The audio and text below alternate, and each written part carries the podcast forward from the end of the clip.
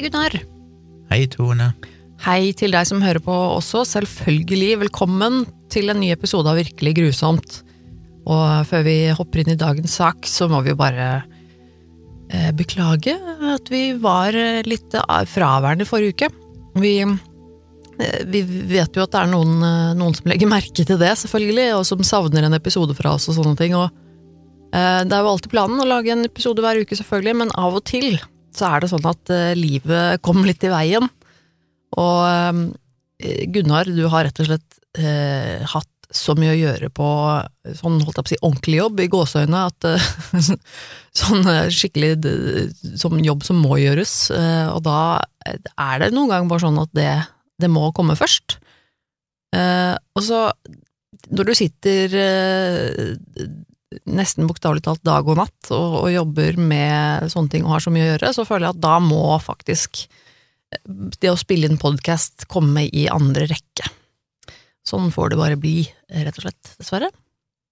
Av og til. Men uh, nå er vi tilbake. Uh, jeg uh, må jo si at jeg, jeg har virkelig ikke peiling på hva vi skal snakke om i dag, det er litt spennende. Men eh, før jeg slipper løs Gunnar på historien, så minner jeg på folk om å følge oss på Facebook, fordi eh, vi har en side på Facebook, Virkelig grusomt, eh, podkast heter den på Facebook, og der eh, finner du eh, linker og litt bilder og sånn, som vi poster eh, hver uke når vi lager en episode, og da er det litt bilder og, og, og sånn eh, om hva som eh, kanskje har skjedd, eller eh, de folka som er med. Eh, Litt linker til deg som har lyst til å sjekke ut eh, en video eller en artikkel, eller eh, ja, litt, eh, litt dypere dykk ned i saken. Alltid interessant, syns jeg i hvert fall.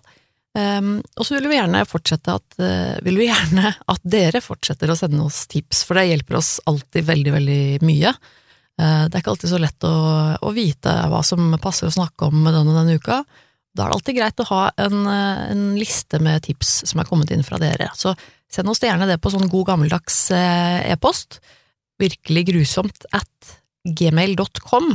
Det setter vi stor pris på, for da har vi altså den tilgjengelig begge to, og kan eh, plukke og finne ut eh, ja, hva, som, eh, hva som passer og, og sånn fra uke til uke. Det er veldig, veldig kjekt å ha, rett og slett. Så ja, som sagt, jeg aner ikke faktisk hva vi skal snakke om i dag. Jeg har ikke fulgt med i det hele tatt, ikke blitt informert. Så dette blir en, en overraskelse for min del i dag, Gunnar. Nå er jeg litt spent på hva som skjer. Ja Det blir en, eh, en sak fra nærområdet, holdt jeg på å si, for Norden. Det er et tips jeg fikk på mail som jeg eh, kjente til fra før. Det er faktisk en svensk lytter, iallfall en mail som er på svensk, og det er en en ja. svensk sak vi skal ta opp. Det er riktignok eh, noe jeg har fått tips om, tror jeg, før, for lenge siden, for denne saken har jeg researcha tidligere Å ja, ok. for sikkert et år eller mer siden, men da Aha. valgte jeg å ikke ende opp med å fortelle om han. Men da fikk vi Mm. tipset på nytt, og så følte jeg det er fint å ha noe som er litt annerledes enn bare true crime. Ja. Så det blir en litt annen sak. Så takk til de som har sendt tips, det er flere.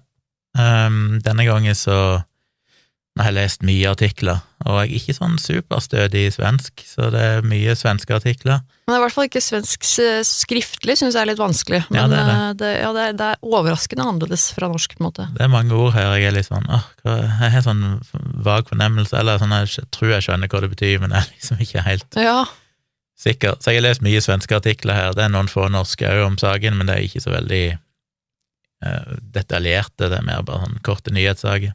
ja. Så jeg baserer meg eh, primært egentlig på en, en ganske omfattende Wikipedia-artikkel. Det fins en annen eh, norsk artikkel som igjen, samme som når vi snakket om denne Åsta-ulykka, ikke det det heter? Jo, togulykken på Åsta, ja. Mhm. Så var det vel der òg en artikkel på brannredning.com Ja, stemmer det. som hadde en ganske omfattende De, de har en ganske fin artikkel om denne saken òg, Ja. mer sånn skrevet fra et sånn brannteknisk perspektiv, eller Mm. Eh, Så den er på norsk. Men jeg velger likevel å basere meg primært på en Wikipedia-artikkel som er på svensk. Oi, oi, oi. Så jeg eh, Kommer det noen svenske gloser fra deg nå, eller? Nei, det skal jeg? Prøve å unngå. Ikke så stødig på svensk muntlig. Jeg syns det er veldig gøy når du snakker svensk. Eh, det, den gleden skal ikke andre få.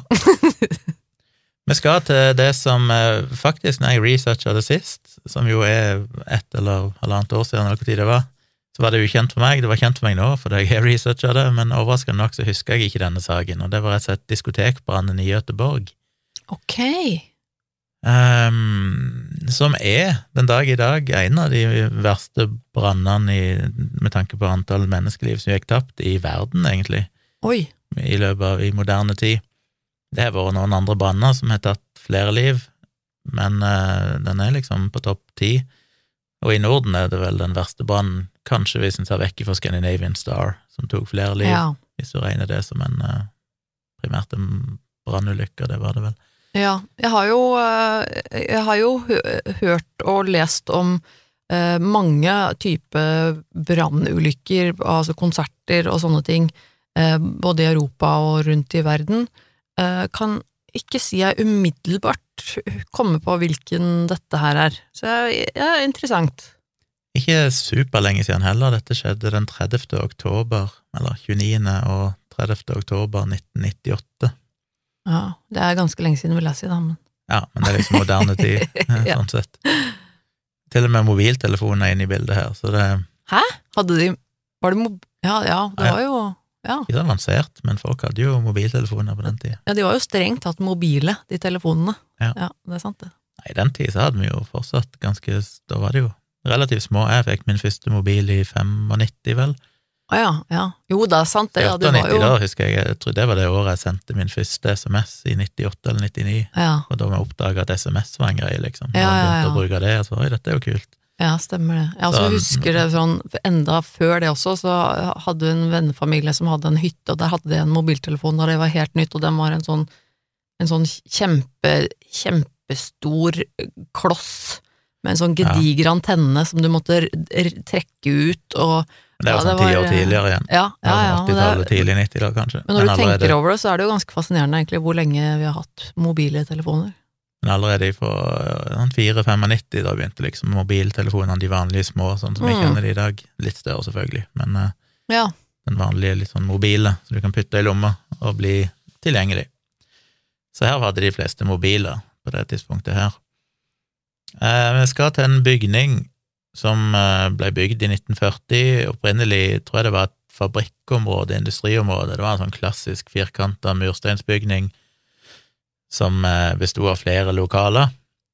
Eh, Selvfølgelig etter hvert som selve industrien der slutta og lokalene ble stående tomme, så ble de omregulert og bla, bla, bla, og ombygd mange ganger. Mm. Og i 1990 så ble vel dette lokalet bygd om til et slags foreningslokale, eller samlingslokale, som hadde to utganger. Den ene ble liksom regna som hovedinngangen, men fungerte òg som en nødutgang. Og så var det en annen inngang-utgang som egentlig bare var en nødutgang, men begge var merka som nødutganger, da, selv om den ene var liksom den vanlige inngangen. Og de hadde dører som var ca. 0, ja, det står litt forskjellige tall, da, det er ikke så nøye, men 0,84-ish med meter, altså 84 centimeter cirka breie. Er det lite eller mye? Det er jo ganske Eller er, hvor bred er en vanlig dør, liksom? det er vel egentlig ganske vanlig bredde på ei dør, Ja. men så kommer det an på reguleringer, så at jeg leste litt. Oh, ja, sånn, ja, eh, sånn er det når du går ned i sånn svart hull. Jeg endte opp med noen Sintef-rapporter og sånn, Oh, ja. som hadde brukt dette som eksempel, og sammenligna hvordan ville dette gått i Norge. For i Norge Ah. er det litt andre krav. Eh, mulig at det var de samme kravene i Sverige på det tidspunktet òg, men iallfall i, et- i en dag, for eksempel, hvis du har et samlingslokale som skal ha over 150 mennesker, eller sånn, som, og har to nødutganger, så må de være 1,20 breie. Ja, nettopp, ja. Og har du enda flere folk, så skal de være to et eller annet meter breie. Da må de basically ha doble dører, Ja. liksom. Så det, Mm. det er jo krav til det, da. Men Ja. var det, dette var innenfor forskriftene, så det var lovlig. Det var ikke noe brudd på forskriftene, dette. Det var godkjent. Mm. Eh, var de dørene, de ble litt grann mindre fordi at dørene var på grunn av måten lokalene var bygd, så når du åpna døra, så åpna du om bare 90 grader, så den sto liksom rett ut. Og dermed så tar jo selve tjukkelsen av døra òg litt plass i åpningen. Mm. Så i praksis var det vel 82 centimeter eller sånn som var den ja, fysiske åpningen. Eh, så var det jeg ikke helt klart å få oversikt over hvordan dette lokalet så ut. Jeg har funnet noen tegninger, men de er så dårlige, så jeg klarer ikke helt å skjønne hva som er hva. Men eh, dørene gikk jo ut til noen inngangspartier, eller noen sånne ganger, korridorer, eh, og noen trapper som var 1,4 meter, så selve bredden på gangene var jo selvfølgelig mye bredere da enn selve dørene. Men 1,4 meter, var det trappa, sa du? Ja. Det er jo ikke veldig stort likevel. Det er jo ikke en svær trapp, liksom. Nei, men uh, Mm. det var en uh, Van, vanlig trapp, trapp, vil jeg si. Ja. Um, så ja. Så dette lokalet var egentlig godkjent da for å ha 150 mennesker. Det var det disse branndørene og rømningsveiene og sånn var godkjent for. Mm. Men uh, det endte jo dessverre opp med å være litt flere mennesker enn det. Dette lokalet, som uh, var kjøpt opp uh, eller et eller annet, eller iallfall var eid av noe som kaltes for Den makedonske forening, ble da leid av noen ungdommer i Gøteborg som sa at de skulle ha en privat bursdagsfest, og så forsto jeg det òg som at de Jeg skjønte ikke helt, men skulle visst òg være en diskoteksfest. Det er jo egentlig et diskotek, eh, en sånn fest eh, som denne hendelsen er knytta til. Ja. Så jeg skjønte ikke helt hva den private bursdagsfesten hadde med saken å gjøre, men det var, det var iallfall noen ungdommer da som skulle arrangere en fest. Mm -hmm. Litt i forbindelse med halloween, tror jeg òg. Så klokka 18 cirka, altså klokka 6 på kvelden, så kom arrangørene den 29. oktober 1998 til lokalene for å gjøre de klar. For å få litt mer plass inne i lokalene, for disse lokalene besto av en liten scene, det var liksom et dansegulv, det var en liten kafé, et lite kjøkken der du kunne lage litt mat, ja. en, et par sånn kontorrom, og selvfølgelig toaletter, sånn, et biljardrom var der òg. Så var det litt sånn forskjellige rom, men det største rommet var jo da selvfølgelig selve danselokalet. Og for å få litt mer plass inni der, så valgte de å, å ta det som var stoler sånn, og samle opp, og putte i nødutgangen, den ene nødutgangen, i liksom forrommet til den ene nødutgangen, så ble det plassert 92 stoler okay. som ble stabla opp der. eh, det gjorde jo i praksis at den trappehuset, da For det, jeg tror egentlig du kom inn på bakkenivå, men så er disse lokalene i andre etasje, så du kom liksom inn, og så er det trapp opp på begge rømningsveiene. Mm. Så i den ene, da, det som var liksom nødutgangen, der ble det stående mye stoler. Og så kommer du vel inn i, så vidt jeg kan forstå, en slags ganske lang korridor som du må gå gjennom før du kommer inn til selve liksom, danselokalet og sånn. Og der hadde de satt opp et bord inn forbi døra, som sto inntil veggen, der de skulle liksom, ta inngangspenger og sånn. Ja. Den gjorde jo at den korridoren blei eh, bare 60 centimeter, vel. Det var Oi. liksom bare 60 centimeter åpning å gå forbi dette bordet. Så det var relativt smalt eh, da. ja, det er ganske smalt. Så nødutgangen var da i stor grad sperra av disse stolene, og selve den hovedinngangen, som òg var en nødutgang, var relativt sperra av dette bordet. Men eh, denne festen ble jo da ryktene begynte å gå, det skulle være fest, de spredde lapper på skolen og sånn om at det var fest, eh, de skulle ha en inngangsavgift på 40 kroner, og de første besøkene begynte å komme klokka ni på kvelden. Og da hadde de noen vakter med dørene da, som, eh, som slapp de inn og sånn, og så tok de betalt og så videre. Det minner veldig om en sånn fest mange av disse diskotekene jeg var på når vi var yngre. Oh, ja. Et lite sted der jeg bodde. Det kom jo stadig vekk flere og flere. Klokka halv ti så regner de med at det var kanskje en 50 personer der hadde kommet den første halvtimen. Men eh, tre kvarter seinere, altså kvart over ti, så regner de med at det var rundt 150 personer som hadde kommet. Altså maks eh. Det var jo egentlig maksantall. Men da klokka ble elleve, så begynte det å bli veldig trangt der inne, og de estimerer vel at til slutt var det 398 personer, altså basically Nesten 400 mennesker. Oi! Altså, det, oi. Ja. selvfølgelig er en del mer. Det er jo mye, mye mer enn det jeg trodde du kom til å si òg. Klokka 23.25, altså fem på halv tolv, så brøt det ut en brann i de stolene som sto i dette trappehuset. I de stolene. Mm. Um, de første tegnene på at det brant, eh, kom cirka da, 23.25 til 23.30. Da var det noen av personene eh, i lokalet som kjente at det var en eller annen sånn ubehagelig, irriterende røyk eh, som begynte å sive inn, Oi. at det lukta litt rart. Men de fleste tenkte at det var bare røykmaskinen eller et eller annet som var ufarlig. så de gjorde ikke noe med det. Men omtrent noen minutter seinere, kanskje 23.35, så var det en av DJ-ene som oppdaga at det faktisk brant i nødutgangen. Og Ja, for det er jo, det er jo den ene nødutgangen da, som brenner. ja, og den er vel omtrent med scenen. Scenen står på en måte i den De nødutgangene er i hver sin ende av lokalet, da, så scenen Ja. er i den ene enden, og bak scenen en plass så var det liksom nødutgang, da. De går ut ei dør, og så går du opp ei trapp, og så er det nødutgang. Og i den trappeoppgangen, eller et eller annet sted der, da, så, så brant det tydeligvis. Så da er det jo en nødutgang mindre òg. Selv om den i stor grad allerede var ganske ubrukelig, under Ja. stolene som sto der. Men. ja. Så da begynte jo diskjockeyene å advare at uh, her bør kanskje folk komme seg ut, så de oppfordra folk til å bare liksom komme seg rolig ut av lokalene. De skrudde av musikken, og en del av deltakerne som var på festen, begynte da å gå ut ganske rolig av lokalene, for det var ingen helt som skjønte at dette var noe farlig. Ja, ok. Men fordi de ikke skjønte at det var farlig, så var det jo noen av gjestene som gikk tilbake igjen, og så opp på scenen, og så begynte de å rappe. Nei. Og det fikk noen av de som var på vei ut til å snu og gå tilbake igjen, for de syntes dette var morsomt.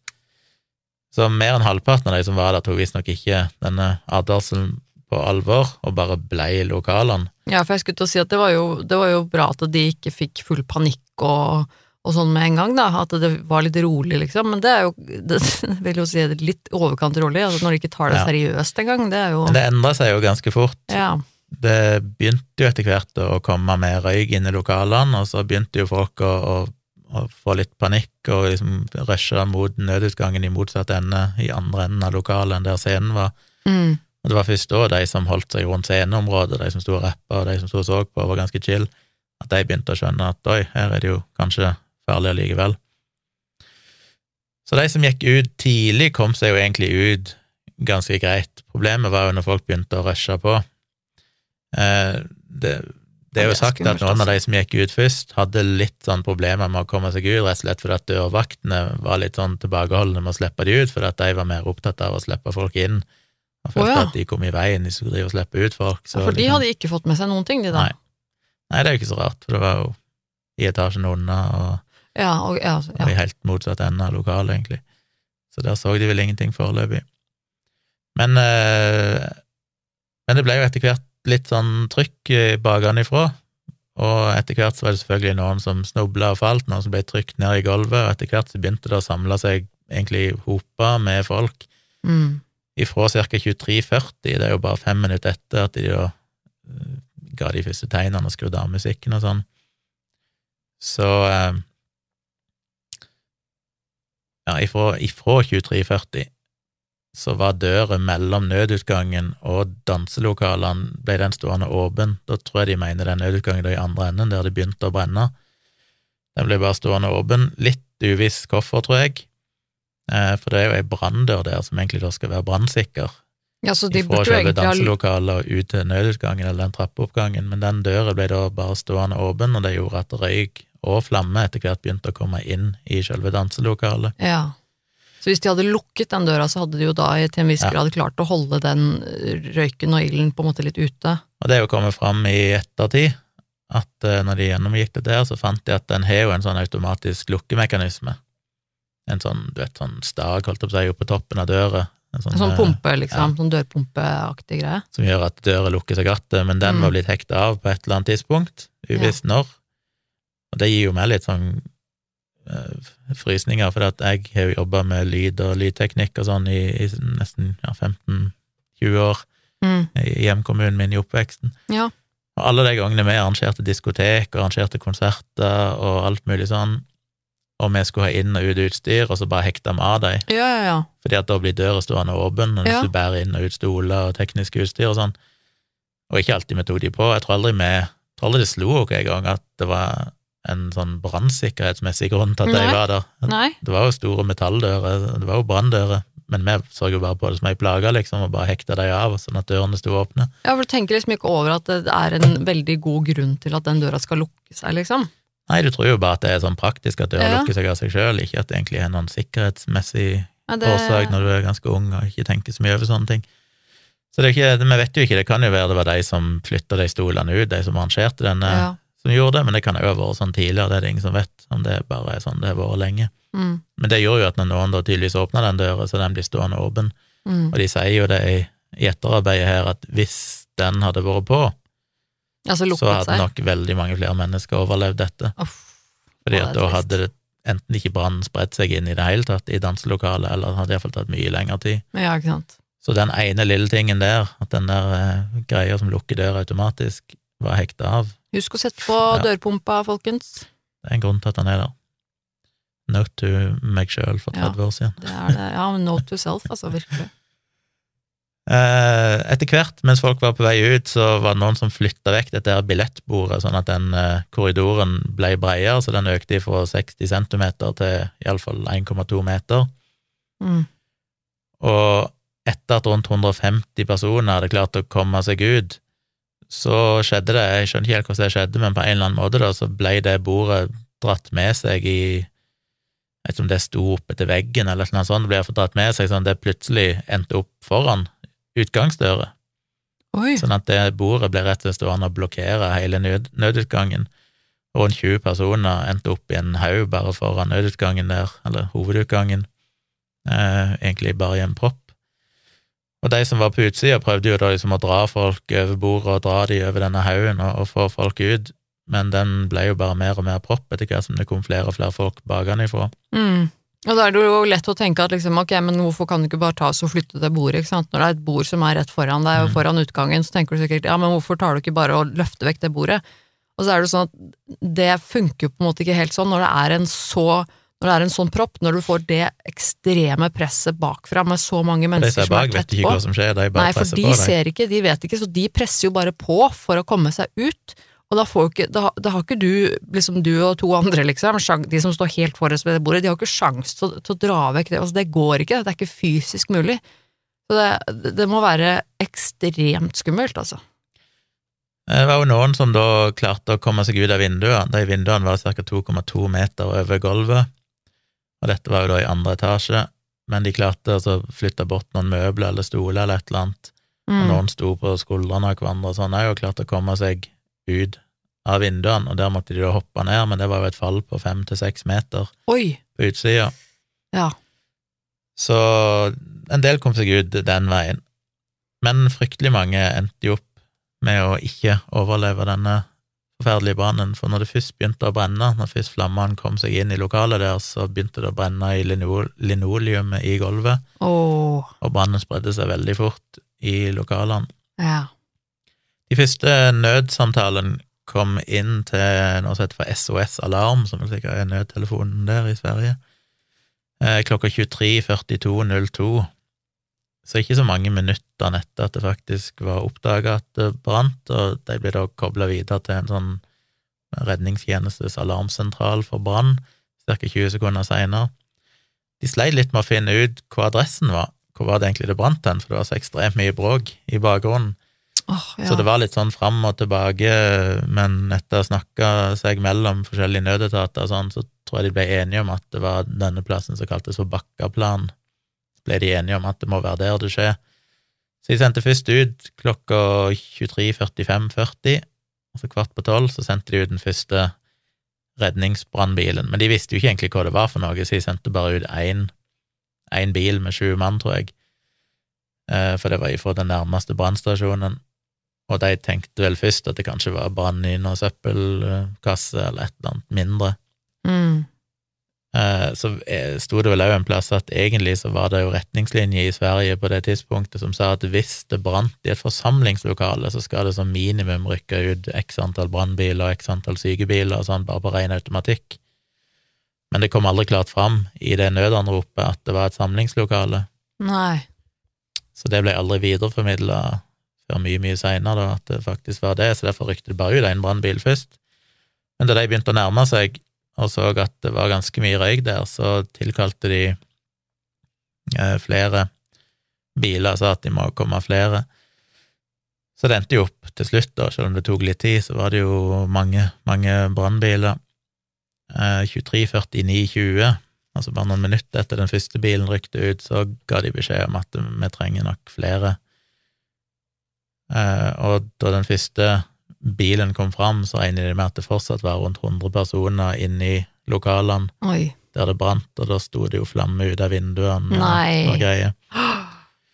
Det de gjorde, var at de tok et valg om at vi skal ikke slukke noen brann, vi har kun ett formål, og det er å redde liv. Få folk ut. Ja. Så de bare droppa hele brannslukkingsprosjektet og bare fokuserte på å redde liv. Eh, problemet var at det var jo bare én brukbar inngang, egentlig, og det var jo den hovedinngangen, men den var jo dekka av folk, så røykdykkere klarte ikke å komme seg inn i lokalene heller, ja. og endte opp med å stå egentlig og bare prøve å få folk ut. Uff. Og det gjorde de jo et sted mellom klokka 00, altså midnatt, og kvart over midnatt, kvart over tolv. Så fikk de endelig løst opp den proppen foran døra, da, Ja. da de endelig fikk løsna litt, etter at eh, både brannmenn, men òg da med god hjelp av mange av ungdommene som var der, dette var jo primært veldig unge folk som var der, eh, hjalp de da med liksom å få folk ut. De satte òg opp noen stier mot vinduene, Ja. og klarte å redde noen ut der, ikke så mange, men det var noen som ble redda av de stiene som ble satt opp mot vinduene. Mm. Eh, ja, så kom det jo etter hvert flere. Det var jo litt problematisk òg, for at det kom jo etter hvert ganske mye publikum og begynte å se på. Å ja. Så det kom mye folk, og det kom jo mye press og sånn ganske tidlig. Så veien inn til dette lokalet går visstnok bare via noen ganske sånn smale bakgater og sånn. Mm. Eh, Så jeg skjønte det jo at når politiet kom etter hvert, så eh, ja, ti, ti minutter før midnatt så var det vel fire politipatruljer, dobbeltpatruljer som de kaller det, som rykte ut til denne plassen. Og innen ti minutter senere enn det så var det tolv politipatruljer som var på plass. Og der tror jeg blant annet at jeg skjønte at de òg måtte bryte ned et gjerde eller et eller annet en eller annet sted, der de rett og slett bare åpna en ny passasje. Mm. For det var så mye folk som sto i veien, og som Ja, var så men òg det at det var vanskelig å sånn. komme fram med brannbiler og sykebiler og Ja, sånn, for de måtte gjennom disse smågatene og sånn, men hvis de bare brøt ned den veggen, så kunne de kjøre en mer direkte vei, da, så vidt jeg skjønte. Så de gjorde jo Mm. mye der for Så måtte de òg da endelig tok litt tid, men de fikk jo til slutt begynt å sperre av området, sånn at ikke mennesker, publikum og sånn, Ja. blokkerte tilgangsveiene. Det er bare så synd at alt, alt sånne ting tar jo tid. Selv om man gjør det ganske kjapt, så er det jo på en måte Det er jo, det er jo så Åh, det der med, med brannen og hvor fort man mister bevisstheten da, eh, i en sånn situasjon, det er jo så, det er så skummelt, og det skjer så fort. Ja. I løpet av den livredningsaksjonen så eh, De holdt vel på til rundt halv ett, og da konstaterte de at det var ingen flere liv som kunne reddes i Mm. lokalene. Så de holdt vel på da i praktisk alt tre kvarter fra de rykte ut, til de på en måte bare sa at nå er det ikke noe mer å gjøre. Det var rundt 15 brannmenn, inklusiv 11 røykdykkere, som klarte å få ut mellom 60 og 70 personer totalt ifra lokalene. Og først når de da hadde fått ut alle de trodde de kunne få ut, så begynte de med brannslukking. Ja. Uh, ja, for det brant enda, ja, selvfølgelig. Ja. Mm. de fant jo tidlig ut det var noen personale sånn at dette her bygget, samlingsbygget, står inntil et annet bygg. Det er egentlig en sånn samling med mange mursteinsbygg, eller det er iallfall en, en svært sånn gammel fabrikklokale som er delt opp i flere bygg. Mm. Og der var det noen personal som jobber i noe som heter for Bakka teater, som visstnok var et av de nabobyggene. Mhm. Og de hadde jo òg registrert at det brant ganske tidlig. Og når de kom til denne her nødutgangen der disse stolene sto, det var klokka 00.40, altså ti, ti over halv tolv, så sa jo de at det brant Et. så mye. Nei, det ti over halv ett, ja. Mm. Så sa de at, eh, at det brant så mye der at de hadde ingen mulighet til å slokke den brannen. Nei, ja, nettopp. Og de klarte vel først å slokke alle branner da klokka var 02.02, ble det rapportert at nå oh. var det ikke noe mer brann, og da tok politiet over for å prøve å hjelpe. Så totalt sett så var det 50 brannmenn som var på plass og, og jobba med dette. Politiet rykta ut, og det kom jo ambulanser tidlig av kvelden. Den første ambulansen kom eh, klokka 23.47.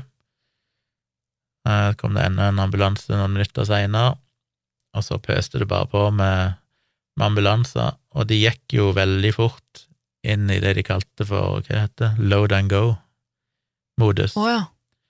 som betyr at de rett og slett ikke prøver på noe livreddende virksomhet på plassen. Det handler bare om å skyfle folk inn i bilene og kjøre de fortest mulig til sykehuset. Ok. Og det er rett og slett fordi at det kan du gjøre når det er relativt kort vei til sykehuset, Ja, og du ser på det som mer effektivt å bare få flest mulig til sykehusene. ja. Så det ble fordelt på fire forskjellige sykehus i området, Ah, som klarte å ta imot folk uten at de ble overbelasta. Litt av problemet her var jo òg at dette var eh, en fest med som sagt omtrent 400 deltakere, der det var helt ifra hva var det, de var sånn tolv år gamle og sånn opp, oh, ungdommer. nei. Og jeg tror det var 19 forskjellige nasjonaliteter. Det var veldig mye innvandrere. Oh, ja, Eh, Det var jo den makedonske forening Ja. som jo eide dette lokalet. var det du sa, ja. Og det skapte litt problemer, for det, både da, som for så vidt nå òg, så var det jo mye gnisninger mellom innvandrerungdom og spesielt politi og sånn, og redningstjenester. Okay. Det var mye mistillit.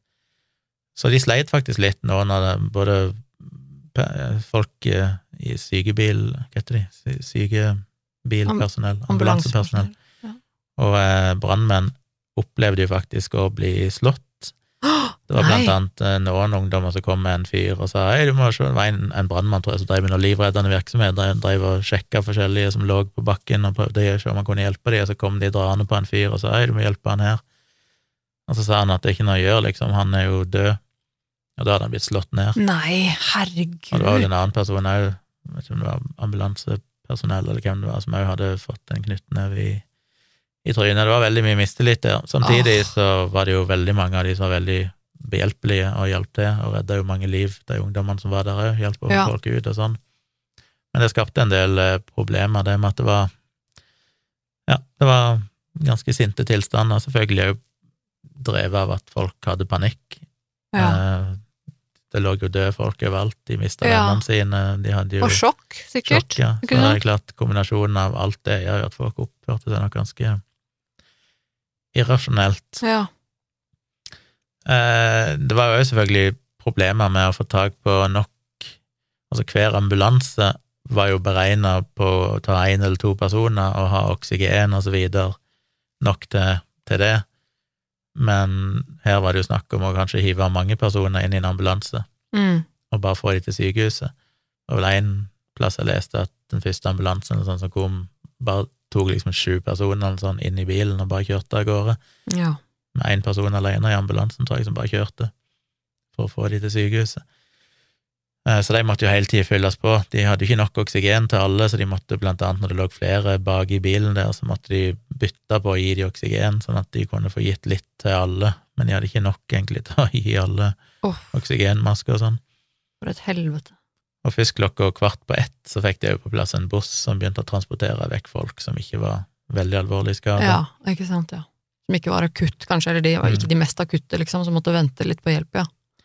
Så er det jo en del som eh, rett og slett kom seg til sykehus sjøl, med privatbiler eller taxier. Mm. Den siste skadde som ble sendt til sykehus, var faktisk klokka 02.12, Ja. da noen hadde funnet han på en bussholdeplass. Ja. Sikkert, vet ikke, i, ja, han hadde sikkert bare vandra av gårde Ja. i sjokk eller et eller annet. tenkte jeg får ta bussen. Uff. Totalt sett så endte 63 ungdommer opp med å dø i denne brannen, og 214 ble i Eh, 60 av de som døde, døde på selve plassen, som vel betyr at tre av de sikkert døde på sykehus seinere. Mm. 150 ungdommer ble lagt inn på sykehus, og 74 av de lå på intensiven. Eh, Dette skjedde jo 29. og 30. oktober. Den, på kvelden den 1. november, altså dagen etterpå, så mener de at de hadde funnet alle de omkomne og identifisert de, Oi, det var kjapt. men eh, den 3. november så fant de faktisk en kvinne til i ruinene Oi. som de ikke hadde sett, selv om de hadde da gjennomgått bygningen ganske grundig tidligere for å sjekke at det ikke var flere folk i lokalene når de hadde fått slukka brannen. Det de vel fant, var at i samtlige tilfeller så døde folk av eh, karbonmonoksidforgiftning, Mm. eller kullosforgiftning. Ja, og såkalt røyken, på en måte. Ja, det er jo eh, Åh, ja jeg- Selv om mange av de selvfølgelig hadde ganske alvorlige brannskader, så mener de at eh, det ikke var årsaken til at noen av de døde. mm. Det kan nok ha bidratt, selvfølgelig, men primært var det rett og slett bare at de ikke fikk oksygen. Eller at de da puster karbonmonoksid, som jo da fortrenger oksygeninntaket. Ja. De fant jo òg at de, når de tok blodprøver nå, når de omkom tre-fire dager etter dette, så fant de at cyanidinnholdet i blodet på mange av de var så høyt at de ville ha dødd av det òg.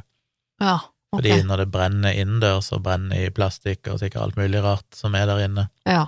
så blir det mye cyanid, visstnok, som du får i deg når du puster inn den røyken. Mm. Og til og med det nivået de hadde i kroppen etter å ha pusta den røyken, betyr at de kanskje hadde døyd av det, om Wow. ikke de hadde døyd av oksygenmangel. Det er drøyt. Så sier de òg at det var selvfølgelig folk som fikk fallskader og sånn etter å ha hoppet ut vinduene i fem-seks meters høyde, men Ja. eh, ingen av dem ble regna som alvorlig nok til at de ville ha bidratt til at noen ville dø. Så hvis de døde, så var det fordi de Ja, fordi de var skadet eller, fra før, eller hadde pustet inn røyk fra Ja. før, på en måte, liksom. Ja. Så de gjennomførte faktisk ingen obduksjoner i det hele tatt i etterkant, for dette var så klart, egentlig, hva dødsårsaken var. Det Men dette her er jo bare den verste helvetesfella noen gang. Altså, vi har jo nå hørt om på en måte eh, Ja, nå nylig så var det jo dette denne halloweenfesten ute i gatene i Seoul i, i Sør-Korea. Vi hørte om alle disse menneskene som ble drept, og, og i, i, for denne klemningskatastrofen hvor det ble så mye mennesker på et sted. Og det har vi jo hørt også tidligere i denne podkasten på konserter og sånn, hvor det har gått gærent. Så vi vet jo det at det er ekstremt farlig med, med så store folkemengder hvor det ikke er kontroll, og hvor det skjer noe, hvis folk får panikk da, så blir det fort livsfarlig. Og det er eh, både at du kan bli, at det blir så trangt at du blir klemt, klemt fra alle sider så hardt at du ikke får puste og sånn, men også de menneskene da som snubler, som jo faktisk ikke klarer å holde seg oppreist på beina, de, de vil jo da bli ofte tråkka i hjel, og så vil det bli også da en slags eh, dominoeffekt, hvor én faller på, på bakken, og så vil ikke de andre som, som er i området, de vil ikke se denne personen og de snubler oppå han igjen, eller hun, og så blir det en sånn kjempeknute med folk, som er jo livsfarlig, selvfølgelig. Eh, men nå også da kombinert med en brann. Det er jo bare Jeg tror det er det verste helvete omtrent jeg kan tenke meg å havne i en sånn situasjon, altså, for da, da er det jo Da er det jo En ting er jo, som du sier, en ting er jo flammene, på en måte, og det er jo selvfølgelig farlig og, og veldig skummelt, men det er jo røyken, da. Og som vi vet, så eh, er jo røyken Den stiger jo oppover, så, den, så du er jo på en måte ofte da eh, anbefalt å holde deg lavt når det er når det Mm. brenner og når det er røyk, så skal du holde deg langs gulvet for at røyken stiger oppover, men det kan du jo ikke i en sånn situasjon, for det er jo så mye mennesker, Mm. og så kommer du deg ikke ut heller, så du blir jo, du blir jo bare stående propp fast i et lokale som bare blir eh, varmere og varmere og svartere og svartere, og er, du puster inn farlig røyk, og sånn, du har jo, da har du jo virkelig ikke sjans, da. Altså, det må være eh, Jeg tenker jo på en måte hver og en av de situasjonene er så skumle hver for seg, men, men tenk, en sånn kombinasjon, det er jo bare et helvete på jord. Ja, det var grusomt for redningsmannskapene òg. De forteller jo om en person som eh, kom seg til Jeg vet ikke om han skulle inn et eh, Det var en eller annen plass jeg leste om en som eh, hoppet inn i et vindu, da, og han eh, For å redde folk ut, liksom? klatra liksom. opp en stie, og så gikk han inn et vindu. Ja. Når han hoppet ned der, så var det jo da 2,2 meter ned, så han landa jo bare i en haug med folk. Og da gikk jo folk òg ganske De var jo helt panikk, så de begynte jo å gå til angrep på han, ikke sant, og tråkka han ned, og han Å, ja. ut oksygentilførselen hans og sånn, så han sleit jo skikkelig med å klare å komme seg ut igjen sjøl og overleve. En annen forteller her at de gikk inn, og eh, de kom seg inn, og så drev de og, og bar ut skada ungdommer til dette trappehuset, og så var det andre da eh, ungdommer som hadde vært gjester på denne festen, som tok imot de og bar de ut. Men der inne i lokalet så lå det jo både døde og levende om hverandre i svære hauger. Mm. Og etter hvert som de hadde klart å fått ut 20 døde kropper, så avbrøt de livredningen, og da trodde de at det verste var over. Men så gikk de inn en annen dør til et mindre rom. Etter at de hadde fått fjerna mange av folkene på utsida, så fikk de åpna ei dør, og så gikk de inn til et annet rom, og der lå det jo 26 døde i en meterhøg haug, meterhøg haug Mm. som dekka hele gulvet. Og alle der var jo døde, det hadde ikke brunnet der inne, men de var bare døde av røykforgiftning. Mm. Og det var bare unger, små unger egentlig, unge ungdommer, Ja. kledd for fest. og de kunne høre at i, i lommene deres Så var det mobiltelefoner mobil. som ringte, og familie selvfølgelig ringte og er hva som så- gikk med de. Ja. Utrolig fælt. Så de bar jo disse ut, men han sa at eh, han måtte prøve å unngå å se på ansiktene, Ja, fordi at han hadde sjøl en 17 år gammel sønn, ja eller datter, ikke helt sikker, som hadde faktisk tenkt å gå på den festen. Ja, ikke sant. Så det var ikke noe veldig moro sånn å se en død 14-åring i ansiktet når Men det må jo være helt forferdelig. Og tenk deg, og, og tenk deg på en måte situasjonen da, for de som de profesjonelle redningsarbeiderne som kommer på, de, på det stedet der. Eh, en ting er jo på en måte selvfølgelig hvor, hvor grusomt det er, og når det er så unge mennesker, og det er full panikk, og folk gjør jo hva som helst sant, for å redde sitt eget liv. Og det er klart, når, du Og det er jo ikke rart, når du holder på å dø og er livsredd, så vil du jo på en måte eh, dytte folk unna, du vil krabbe opp andre, du vil altså Det er jo desperasjon å komme seg ut og vekk. Det er jo bare det, tenker jeg, må jo være dødsskummelt å være vitne til. Men også En ting er jo når du er voksen, men tenk når Ja. du er 14 år Ja, ikke sant? Men også er det, da tenker jeg sånn, de redningsarbeiderne som kommer dit, da, hvilket kaos det må være. Altså, Mm. når det er et sånt type lokale, det er én liten dør hvor det er som det er liksom en propp, og så tyter det noen folk ut av vinduer her og der, og noen faller fra Det må være Altså, hvordan Jeg blir så eh, jeg blir helt sånn satt ut, og, og det er veldig sånn eh, jeg må nesten bare beundre også de menneskene som blir stående der for å gå inn i den situasjonen, og hvordan man tar tak i det. og sånn, ok, Mm. nå at, hva, hva gjør man, hvordan organiserer man dette, liksom, for, for å gjøre det må være forferdelig vanskelig, og bare det å få oversikt, ok, hvor er utgangene, hvor er folk, hvor mange er de, det må være et helvete. granskingen i ettertid tror jeg òg konkluderte med at denne, dette valget med å bare gå i livredningsmodus og kjøre sånn load and go og bare liksom få folk vekk, Unna. Eh, redda nok sannsynligvis 50 ekstra liv eller noe sånt, mener de. Ja, nettopp, ja. Men så var det jo i etterkant av dette, da, så var det jo litt interessant òg, for det at eh, da de midt på natta klokka halv fire om morgenen, vel, så var det vel den første pressekonferansen Denne natta. ja, på Ja. den nærmeste brannstasjonen. Og der gikk jo sjefen for redningstjenesten ut og sa at eh, brannen sannsynligvis var påsatt. Oi. Og det gikk jo eh, politiet og andre personer i forretningstjenesten ganske fort ut og demonterte, altså at det har vi ingen grunnlag for å anta. Yes. Men eh, det førte til en veldig stor ryktespredning, og Ja. da ble det mye diskusjoner rundt om i Sverige, der noen selvfølgelig tenkte at dette er et rasistisk motiv, Åh. det er noen med rasistiske motiver som har satt fyr på denne, dette lokalet. Mm.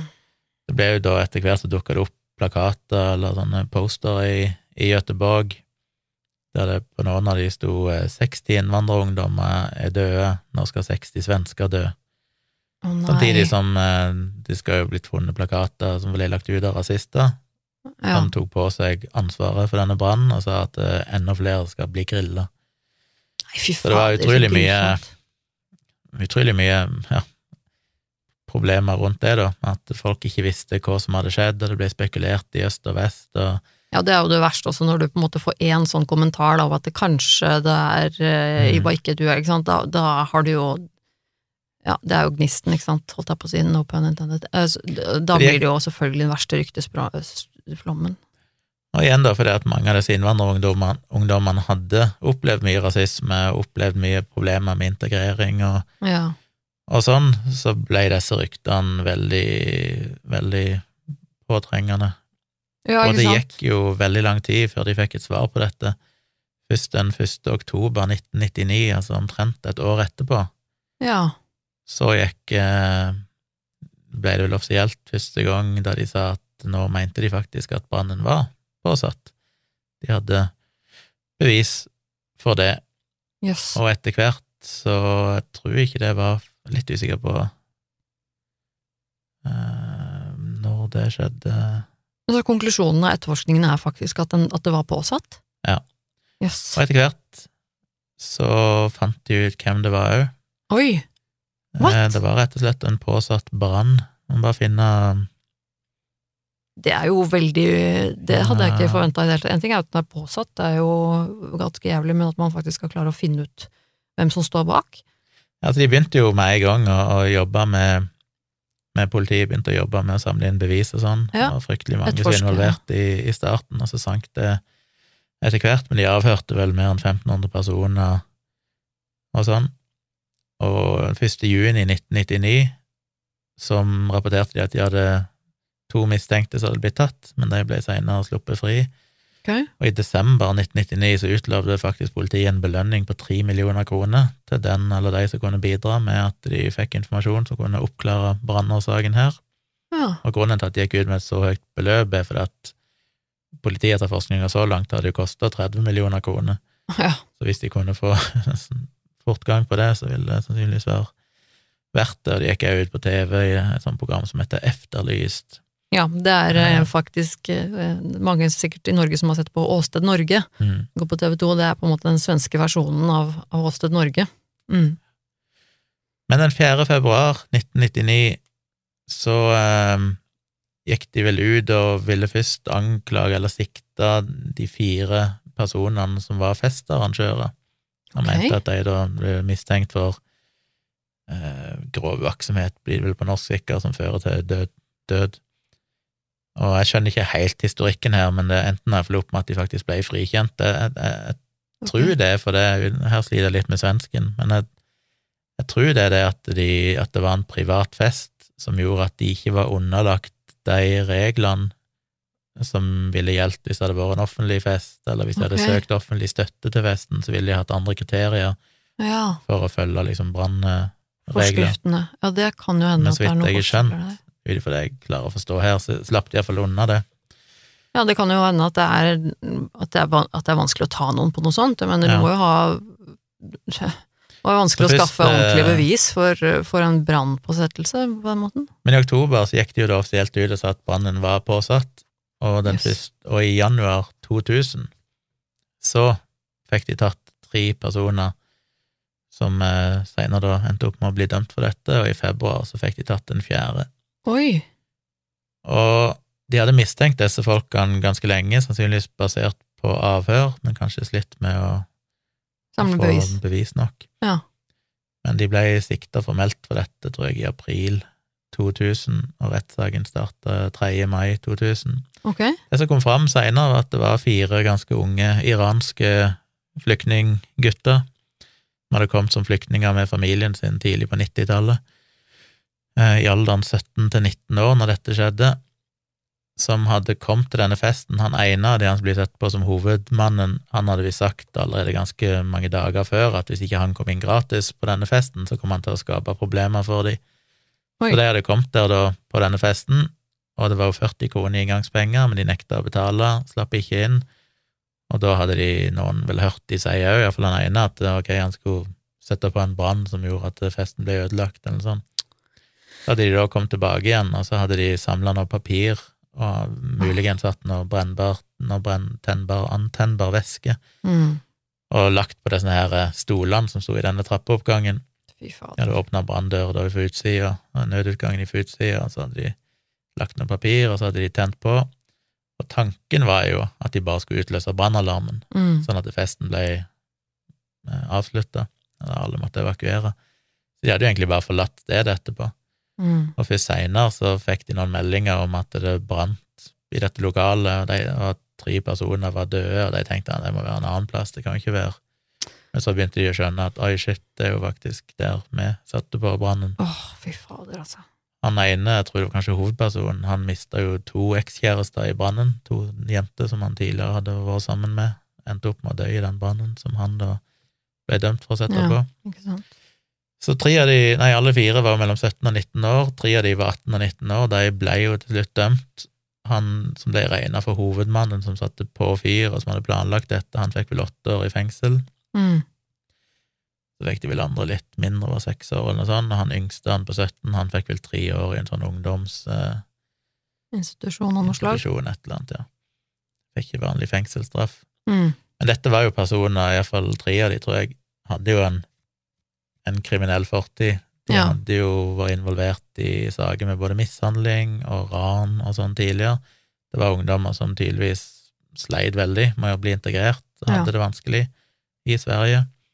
Eh, Og da reagerte på denne måten. Men de ble jo til slutt dømt for dette. Det ble vel òg anka, og det endte jo opp da med at tre av de vel fikk enda strengere straffer, eller to av de fikk enda strengere straffer.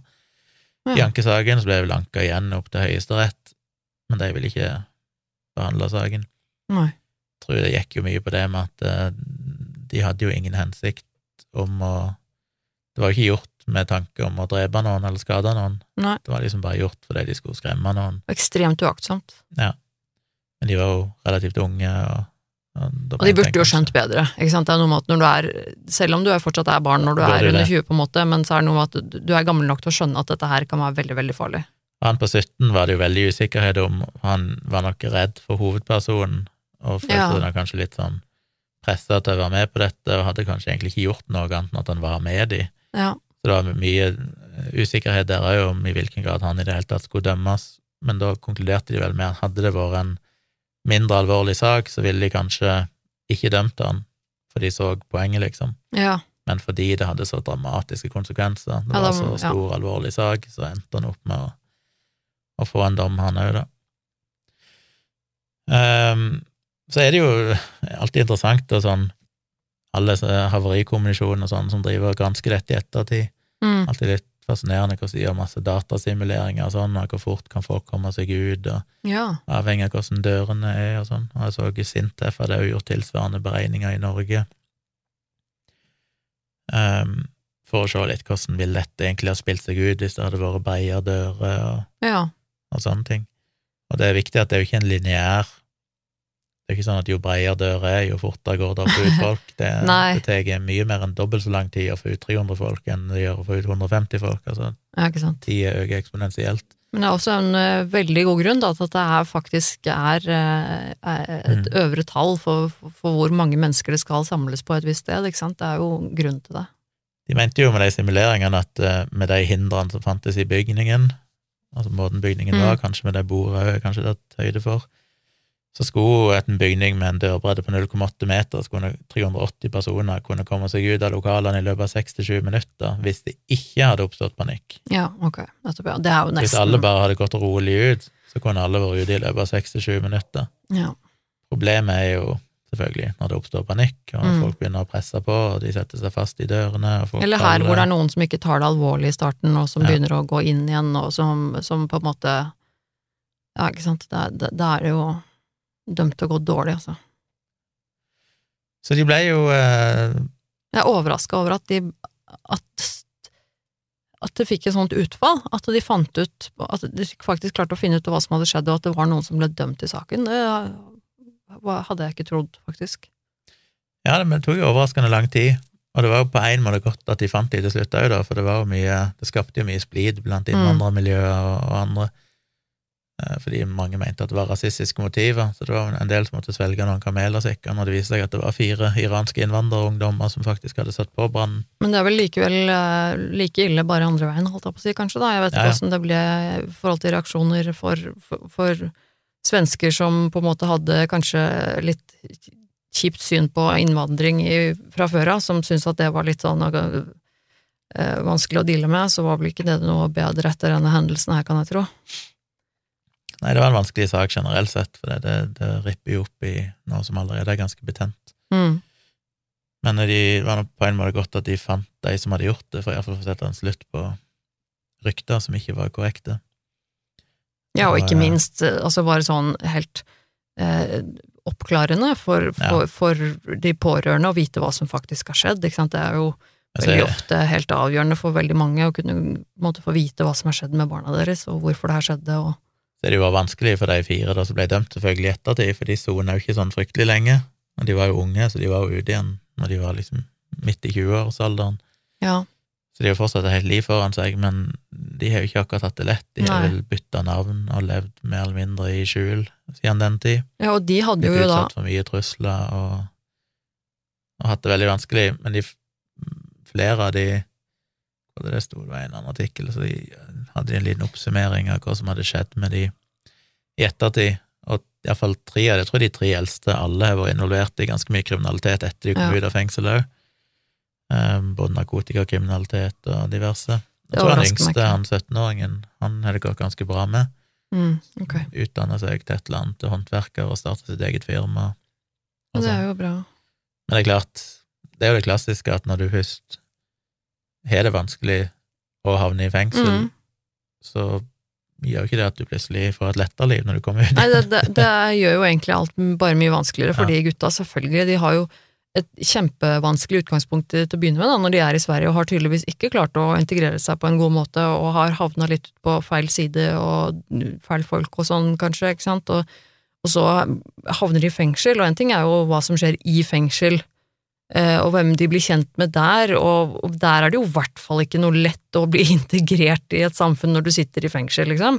Men også når du kommer ut igjen, da, hvilke følger det har, og hva som følger deg fra tidligere av, av inntrykk og fordommer, ikke sant. Når du er i utgangspunktet er utlending som er kommet til Sverige og som har hatt det vanskelig, og så nå i tillegg så har du sittet i fengsel, så er det jo klart at det er ikke noe det er ikke noe lett å komme seg gjennom det på en god måte, tror jeg nok er ganske vanskelig. Altså, da skal du i hvert fall ha um, et godt- støtteapparat og en skikkelig, skikkelig sterk vilje for å, for å ønske å komme deg vekk fra, fra det. Det nærmeste en kommer i Norge, dette her er jo på en måte Utøya, dette her. Ja, Selv om det er veldig forskjellige saker, på en måte, så er det litt sånn i noenlunde samme om eh, Skala, liksom. Ja. skala med antall Ja. døde, og det er unge mennesker. Og det er jo faktisk noen som er skyldige. Er Mm. ikke bare et uhell, det er faktisk noen som De ble jo dømt for mordbrann. Eh, og litt det samme det der med at du hører telefonene, mobiltelefonene ringe i lommene på de døde og sånn. Det var vel litt sånn på Utøya og sånn. ja. Ja, Det er sånn tragisk. Det var visstnok det. En forferdelige Greie. tanke, altså. Men det, jo, det minner meg litt, for det er jo vært sånn spekulasjoner der òg, sant. Hvis Breivik en eller annen dag hadde sluppet ut igjen av fengsel, liksom, Mm. han, kan han eksistere i samfunnet? Mm. Det minner jo litt om disse folkene, som da var Ja. såpass unge og fikk en mye mildere dom, men når de kom ut igjen, så, så kan de jo egentlig ikke leve. De må bytte navn, de må De må beskyttes, ja. leve i skjul, og de lever med kontant Alle som vet hvem de er. eh, de, det, det blir jo nesten umulig å reintegreres i samfunnet når du Ja. vært medvirkende til noe sånt. Så det gjør jo ting vanskelig. Jeg mener, hadde det vært meg, så er det er vanskelig når ikke du har penger, sikkert, men jeg tror jeg hadde flytta til motsatt side av kloden. Prøvd å starte på nytt. Ja, det et må være- helt annet sted, ikke blitt buende i det landet jeg bor i. Ja, det må være enormt vanskelig. Altså, ja, eh, og det er selvfølgelig Det er jo mulig å, å, å snu og komme seg vekk fra et sånt eh, miljø etterpå. Det er jo, det er jo folk som har gjort det, så det er jo selvfølgelig mulig, men, eh, men det at da tre av fire ble kriminelle også i etterkant, og, og eh, det, det syns jeg ikke er veldig rart, altså. Veldig trist, det er det, men eh, Ja, det må ha vært ekstremt traumatiserende for deg òg. For det er uansett hva for en kriminell fortid de hadde, sånn, så tror jeg ikke noen av de var veldig innstilt på å forårsake døden til 63 ungdommer. Det å vite at de var ansvarlige for det, må jo ha vært eh, ikke helt lett å leve med for noen av de. Nei, det er, det er unge, det er jo barn. Det må være, jeg håper jo virkelig at de i hvert fall fikk noe tilbud om hjelp, om ikke annet. Ja. Eh, Nei, det er kjempetragisk. Veldig, veldig tragisk. Så det var vel den historien. Da vet dere litt mer om eh, diskotekbrannen i Göteborg, som jo skjedde for bare en knappe 25 år siden. Det her, det er sånn, eh, den type situasjon er jo noe jeg eh, personlig er veldig, veldig redd for. Jeg syns jo, Ja. synes jeg er Eh, dritskummelt. jeg syns jo sånne folkemengder og sånn er ganske skummelt. Eh, I utgangspunktet så er, har jeg i lang tid altså, slitt litt med sånn sosial angst og sånn. Jeg syns jo det er litt, litt vanskelig med folk og sånn iblant, men i hvert fall på sånne ting som det er hvis det er en konsert eller store samlinger eller noe sånt. Jeg har alltid syntes at det er litt ubehagelig når det er så mye folk tett i tett i tett sammen på et sted. Det er sånn som alltid gir meg litt sånn øh, De skriver jo det i innledningen på den artikkelen på, på brannredning.com. Den artikkelen er jo faktisk skrevet 8. desember 1998, så den er jo skrevet bare seks uker, fem-seks uker etter hendelsen. Uh, men der skriver de jo at uh, det var en ufattelig tragedie som ingen trodde var mulig at skulle kunne skje i deres naboland. mm, Men sannheten er at den tragedien kunne egentlig skjedd overalt, til og med i Norge, under Ja. de forutsetningene som var i Gøteborg den kvelden. Jeg vet ikke om det bedra seg så mye. Det er klart at etter denne brannen så ble det jo, hva det sto, det var 21 eller noe sånt forskjellige anbefalinger som ble utstedt av granskingskommisjonen eh, med tanke på nye regelverk og forbedringer sånn som må gjøres. mm, Med tanke på brann spesielt, en del av de ble forlatt fordi at det var urimelig dyrt å gjennomføre i all slags lokaler rundt om. Ja. Men, eh, men det fører jo alltid til, litt som med disse flysakene og sånn, altså, det fører jo ofte til forbedringer. At folk ser at ok, her er vi nødt til å ha litt andre strengere regler. Så jeg vet ikke helt hva som har skjedd i ettertid, men jeg tror ikke nødvendigvis at tilstanden er så forskjellig. Men igjen, i et lokale med 150 i Norge, så tror jeg du må ha dører på 1,2 meter, så vidt jeg skjønte. Mm. Um, ja, så det, det er jo en grunn til at disse Det er ikke tilfeldig hvor brede dørene er i forskjellige Nei, lokaler. Det er ikke nei. tilfeldig hvorfor noen det ikke- Alt det der er ganske strengt regulert, og Ja, det er er viktig å ikke fucke med det systemet. Og det er jo veldig, veldig, veldig viktig. Det er liksom det med det at vi må på en måte huske på det at det, at det er en grunn til at man har så strenge regler i lokaler, og hvor mange mennesker det er lov til å være på en eller annen fest eller arrangement på et sted, eller Det er ikke Altså, det er en god grunn til det. Uh, og, og, og det å samles veldig mange mennesker på et lite område, det er ikke Det er ikke bare lett å arrangere. Nei, altså sånn forhold til sikkerheten på konserter og sånne ting, så er det jo eh, det er jo alltid en, en jobb, det er jo folk som jobber med bare det, og så legge ut på en måte oversikt over ok, hvor mange mennesker skal stå innenfor det området, hvor skal gjerdene være, skal, hvor er utgangene, hvor Og det, eh, det er sånne ting som eh, vi alle burde liksom bare være klar over hvis vi er på et sånt arrangement, som en stor konsert eller et eller annet hvor det er veldig mange mennesker, og så bare merke seg ok, hvor er, hvor er utgangene her? Mm. Eh, hva gjør jeg hvis det plutselig skulle skjedd et eller annet? Det er klart Hadde de holdt seg til 150 mennesker her nå, så hadde vel ingen dødd, sannsynligvis. De kom jo ut minst 150 mennesker allerede før det begynte å brenne skikkelig. Det var først etterpå at det ble krise. Og det er klart, det, det, er, det er et stort uh, sprang fra 150 mennesker til nesten 400. Ja, Hvis det er fire ungdommer som Um, står som arrangører her, eller litt unge folk, så kan en kanskje ikke forvente at de Det er ikke sikkert de fikk beskjed engang om at det var ei grense for antall. Nei, altså det, det vet vi jo ikke, selvfølgelig. Jeg vet jo når vi arrangerte ting, diskotek og sånn, så hadde jo vi Jeg tror aldri det slo oss. Det var bare sånn Nei. ok, vi har lånt dette lokalet, selger billetter i inngangen. Tror Ja. aldri vi visste at det var noen sånn maksgrense for hvor mange som kan være, og ingen som informerte oss om det. Ja, det er, og det, det er også et poeng. Altså, jeg, jeg vet ikke, jeg har selv aldri eh, vært med på å arrangere noe, noe, noe sånt noe hvor det er, være, hvor man har leid et lokale og skal være mange mennesker eller noe sånt. Eh, men det er jo absolutt en ting man burde få blitt fortalt da veldig tydelig, er ok, Mm. hvor mange mennesker kan du maks få lov til å ha her inne?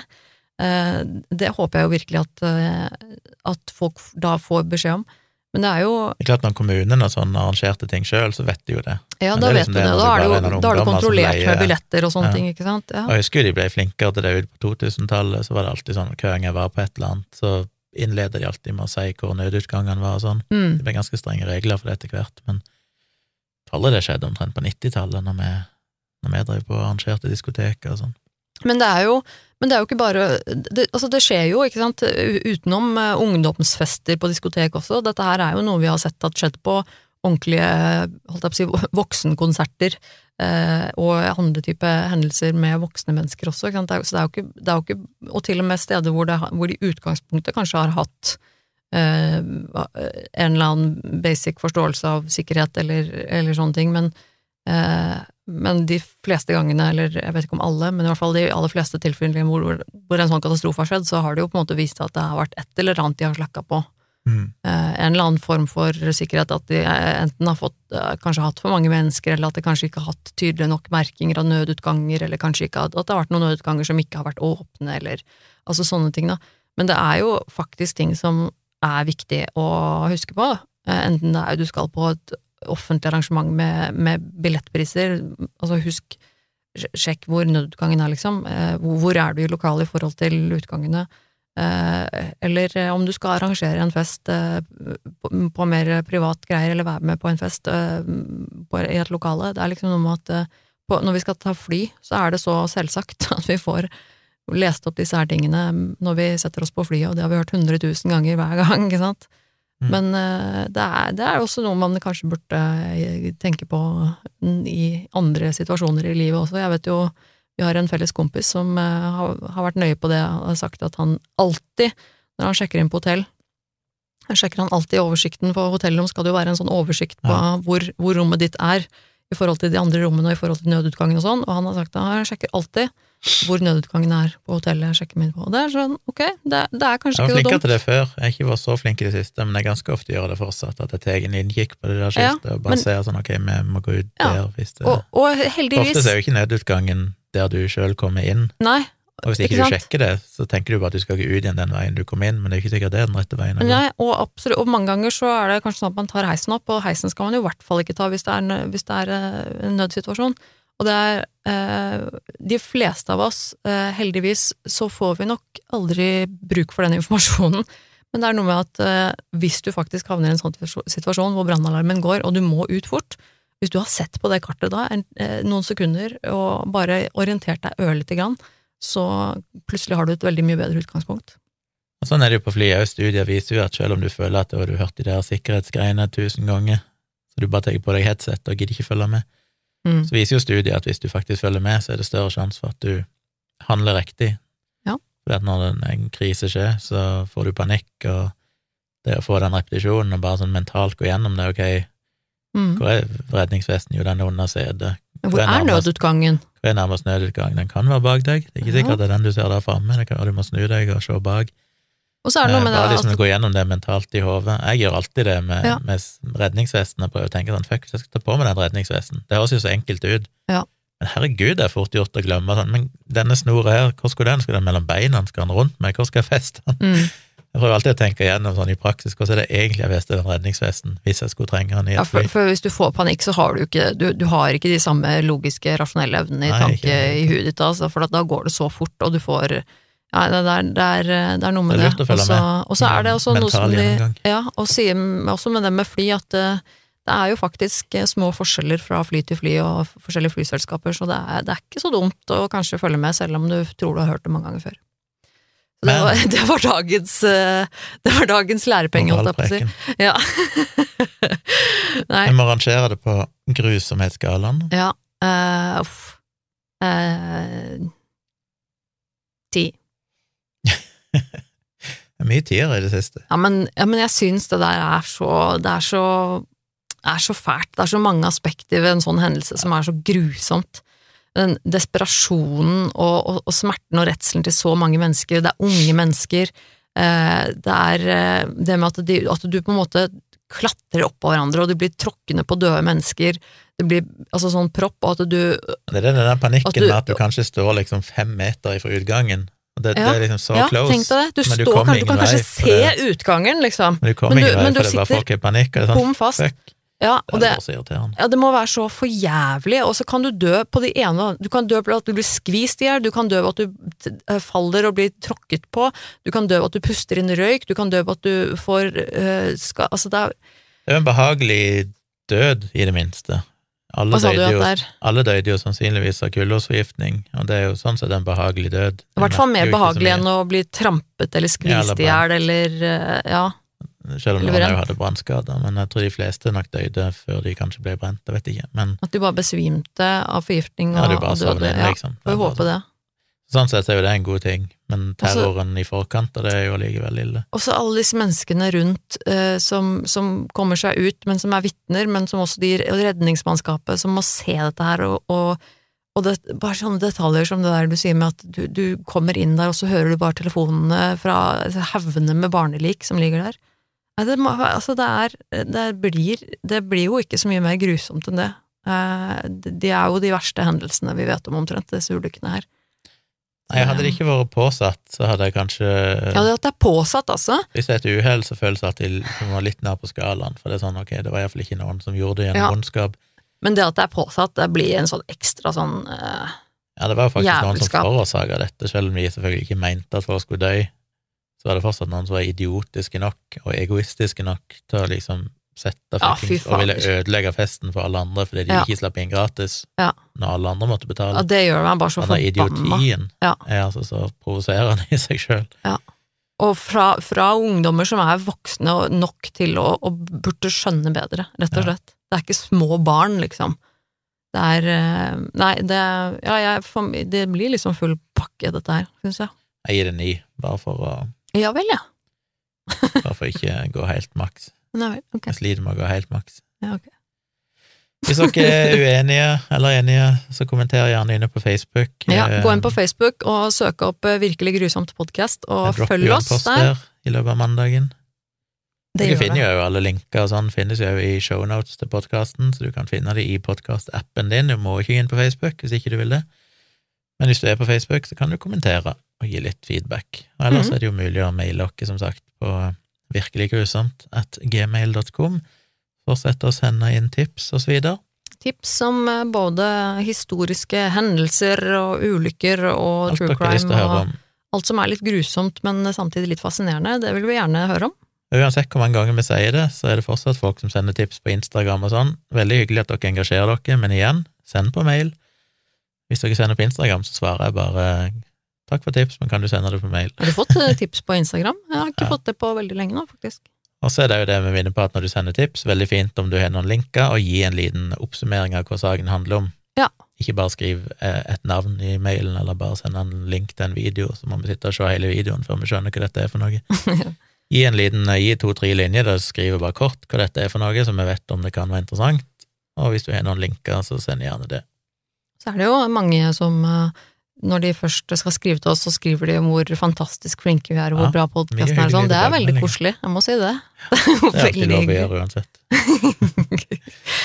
Men ja, sjekk oss Og sjekk jeg er i oss dag som skrev eh, at du skulle der. tipse alle vennene sine. Ja, det er veldig hyggelig. Vi setter stor pris det. på det. Og hvis du kan gå inn på uh, iTunes, heter vel ikke det lenger, men uh, Apple, Apple Podcast Podcast. eller andre plasser, og gi oss uh, fem stjerner. fem stjerner. Ja, hvis du liker Eventuelt podkasten, en så gjør hyggelig kommentar om du gidder, men iallfall stjerne er viktig. Det koster dere lite, og det setter vi veldig pris på, og gjør at podkasten blir lettere å finne for andre. Absolutt. Du kan gjøre det samme på Spotify, tror jeg. Gå inn og gi stjerner der òg, hvis du hører podkast Ja. på Spotify. Det kan man jo. Så alt sånt hjelper veldig. Da tar vi søndagskveld. Ja, Det gjør vi. Så er vi tilbake om ei uke, håper jeg, hvis ikke noe dramatisk skjer igjen. Ja. Nei, altså selvfølgelig, vi er, intensjonen er jo ukentlig podkast, og eh, som forrige uke så ble det jo ikke noe av, men da også har vi jo lagt ut eh, meldinger på, på sosiale medier, Facebook og sånn, så det også kan være en grunn til å følge oss der, for da, da gir vi beskjed på en av disse plattformene i så fall. Så um, takk Litt, for at litt villedende beskjed. Vi sa vel at vi kom i løpet Ja. av et par dager, men det Ja, men vi trodde jo det. opp med at vi aldri klarte det. på hver dag så sånn Nei, jeg rekker det ikke i dag heller. Nei, jeg rekker det ikke i dag heller. Nei, det er med heldigvis, så det pleier jo ikke å Det pleier ikke å være så ille. Nei. Eh, Men vi må jo bare takke våre kjære, fantastiske lyttere igjen for at dere hører på podkasten vår og forteller vennene deres om podkasten. Dere setter vi pris på. Og så eh, satser vi på at vi høres igjen om en uke. Ja. Ha det. Ha det!